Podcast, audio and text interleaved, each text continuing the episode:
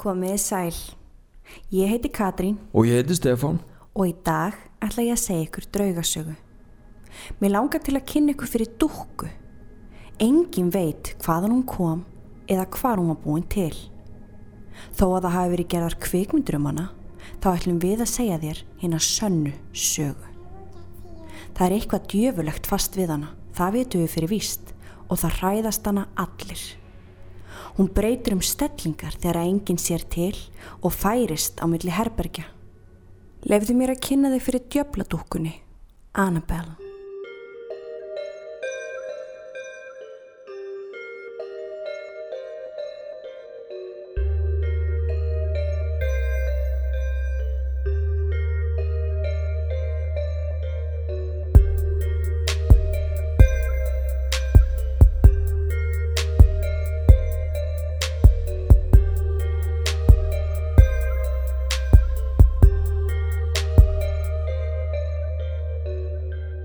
Árið 1970 fekk Donna dúkkuna að gjöf frá móður sinni.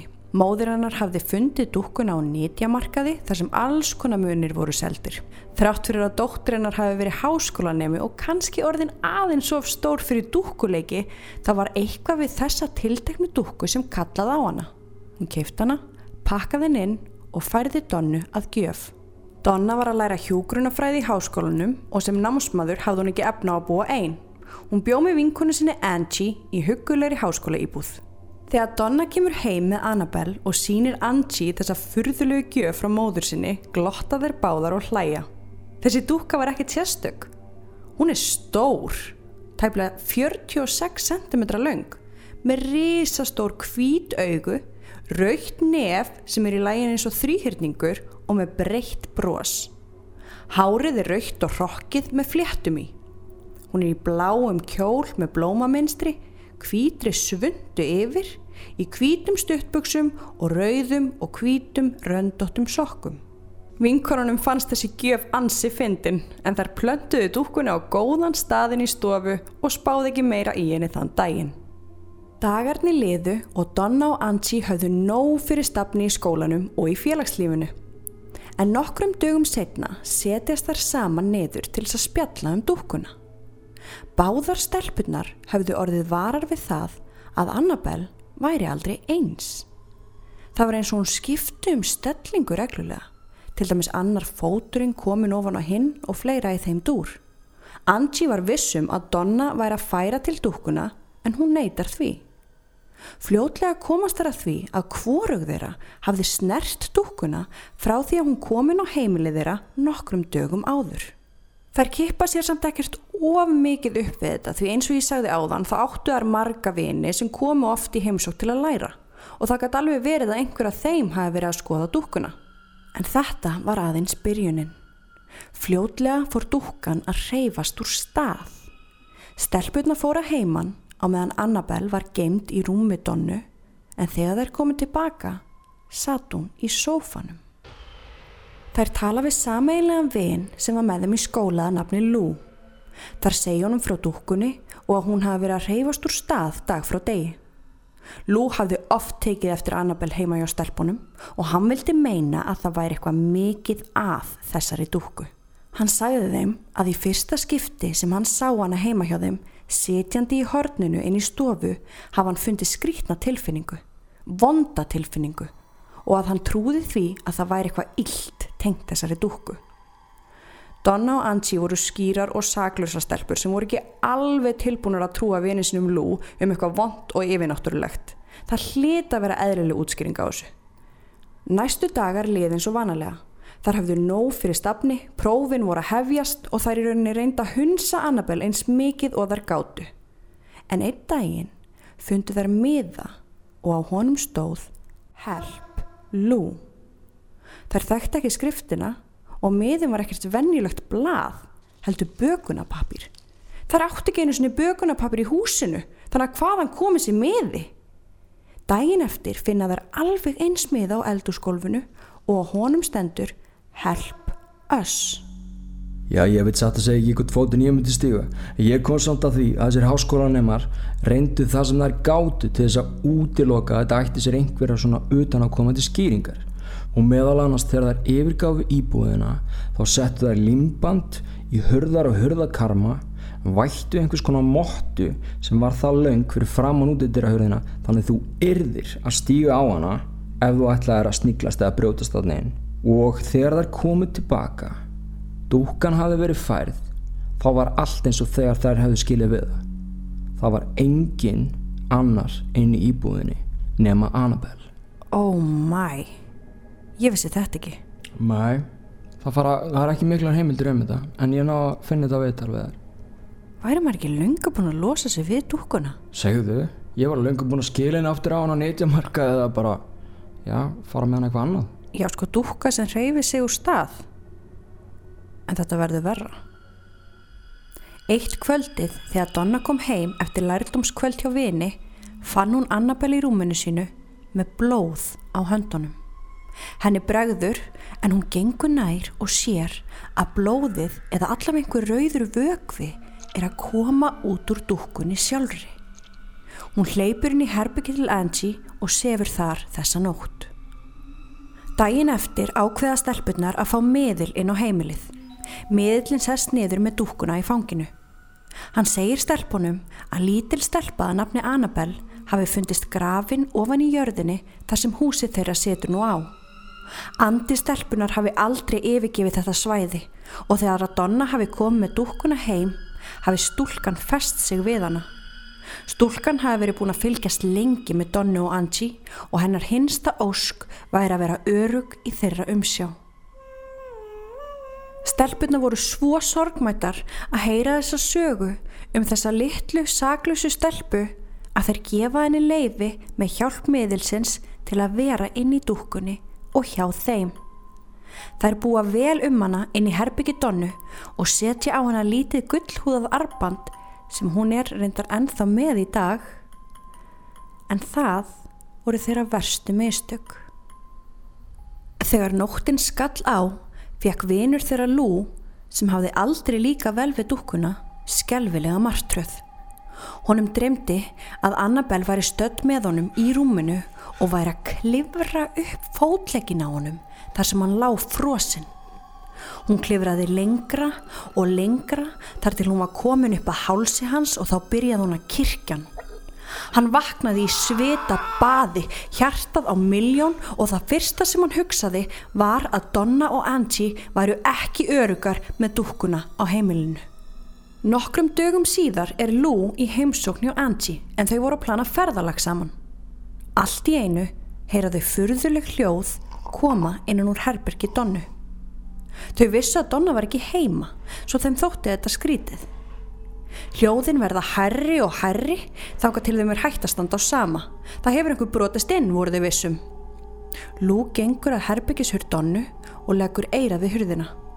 Það er eins og einhver sé að reyfa til öll húsgögnin og banka í veggina. Hann dregur djúftin andan áður en hann opnar hurðina með krafti svo hún skellist í veggin. Það var enginn inn í herberginu, enginn innbrotstjófur og allt var á sínum stað. Nema Annabelle. Hún satt ekki í rúmunu þar sem Donna hafði skilað hann eftir. Heldur í horni herbyggisins og starði á þau.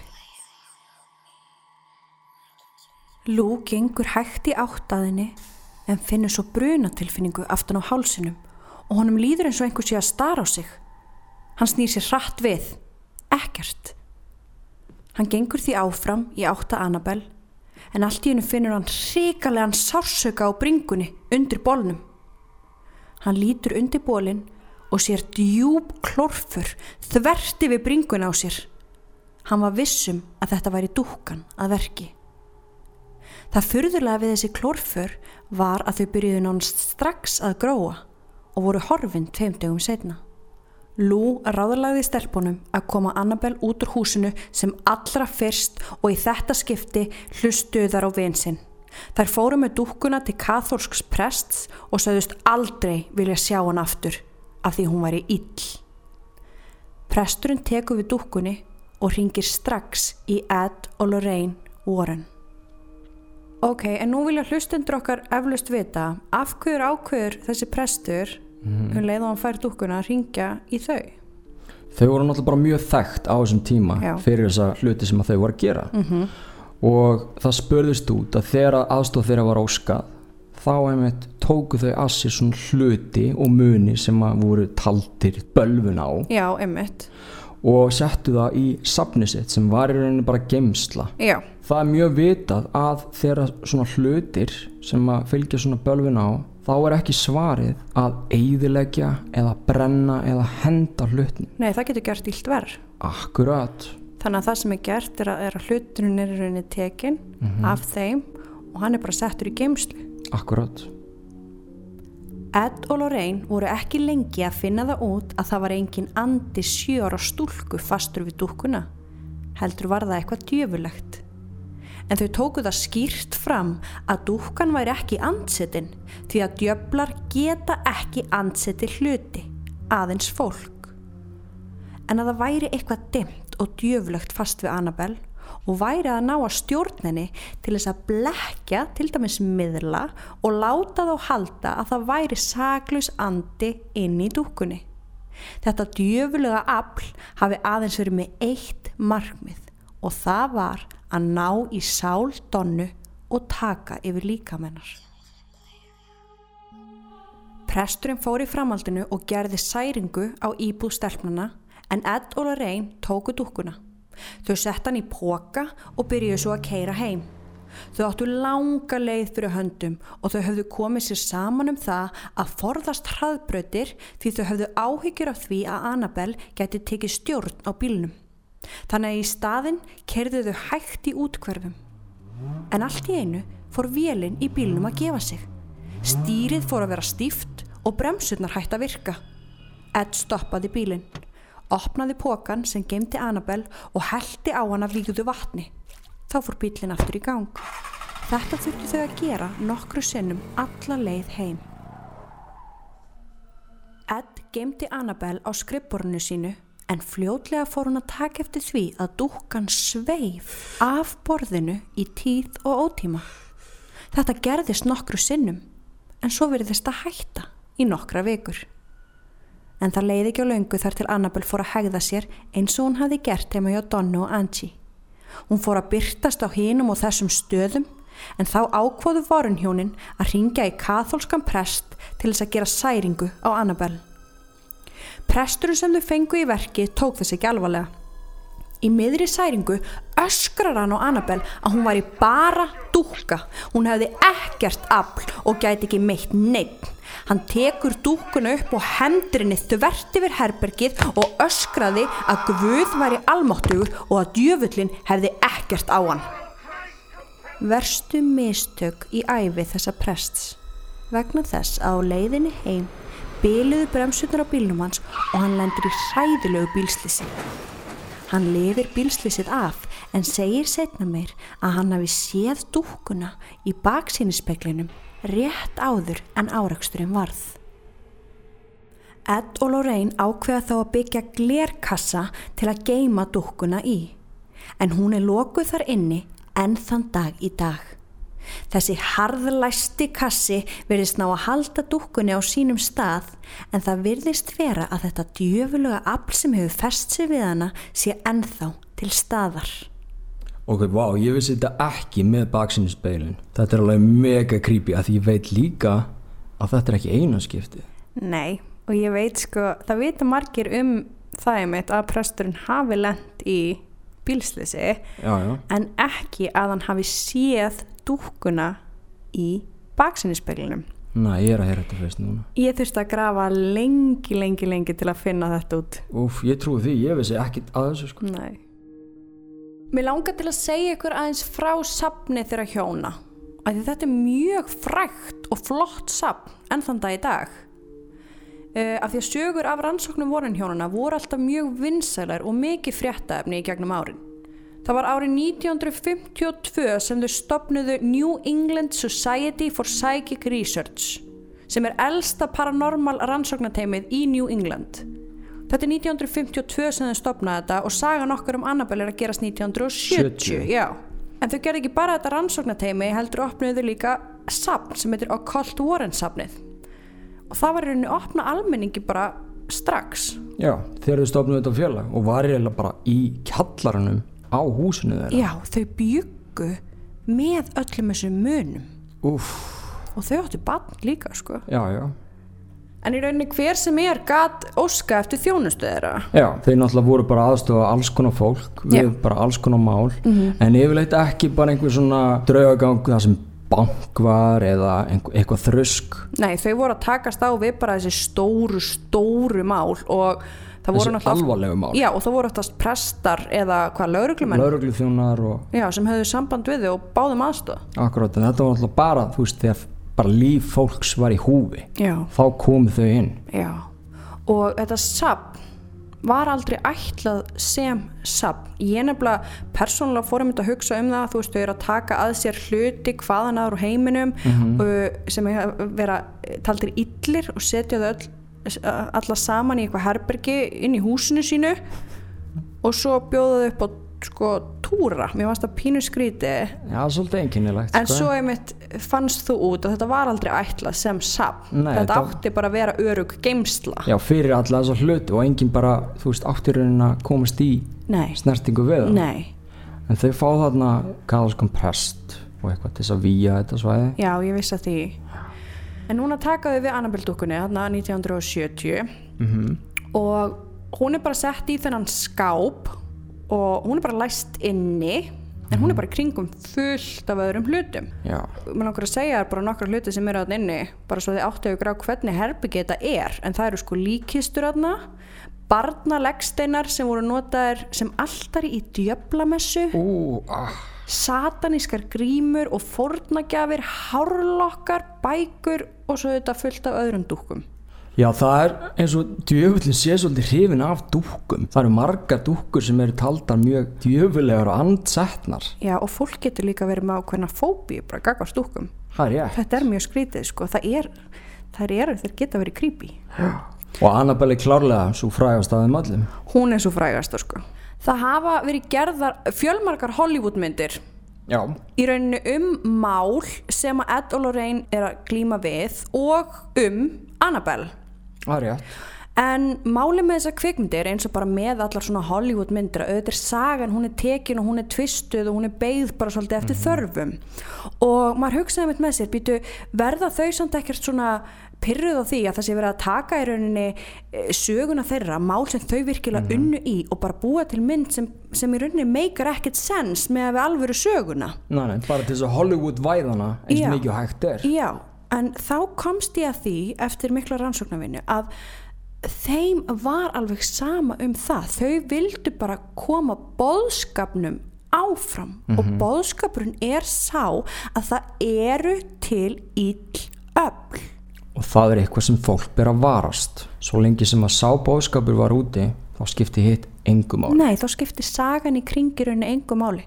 Nei. Boðskapurinn bara varð að komast til skila og þetta segja þau bæði. Já. En nú var Annabelle búin að vera lokuð og læst inn í þessum kassa á safni vorin hjónana og það hafði ekkert slæmt gerst. Nei. En það átti eftir að breytast. Í þessi saga hér gerist inn á safni vorin hjónana. En það var par í skoðunarferðum safnið. Og þegar þau komu augu á Annabelle staldraði hans við og maðurinn bankar svona létt í glerið og fer svolítið að hæðast á dúkkunni og segir svona við hana hérna "E, já ef þú ert öflug þá, þá skaltu gera eitthvað við mig í dag. Og fer svolítið svona að Ögrenni fer svolítið að augrinni og, og, og segir við kærustuna sína að hún líti nú ekki út fyrir að geta gert nokkurt skada og, og það sé nú óþörfi að geima svona aumingilega dúkku í lestum glerkassa. En Ed og Lorín byggja sem sagt mannin bara vinslast um að yfirgefa safnið. Já, ekki vera með þessa óvinningu hérna inni. Nei, því þetta er ekkert stjók. Mm. en þau gera það, þetta par. Og á leiðinni heim þá lenda þau í slisi alveg eins og presturinn lendi. Nei. en þau eru að keira móturhjóli og maðurinn missi stjórn á hjólinu og keirir út af hann deyr en hún lifir og hún segir frá því setna meir að bara nokkrum sekundum áður en slisi varð Já. hafið þau verið að grínast um dúkkuna á móturhjólinu Nei. Jú, þetta er bara nákvæmlega eins dæmi og með prestin Já, já. Þau voru hann að hæða staðinni. Já, bara svona auðrenni, bara þú veist gerði eitthvað ef þú getur. Og hún svaraði svoleiðis. og ég er búin að leita út um allt ég er búin að, er búin að finna allar upplýsingar sem ég gat um þetta móturhjólasliðis það er ekkert meira sem, sem er sagt. Nei, en, en það er ekkert svo langt síðan þetta var hvort þetta hafi ekki bara verið 2000 og eitthvað sko. Nei.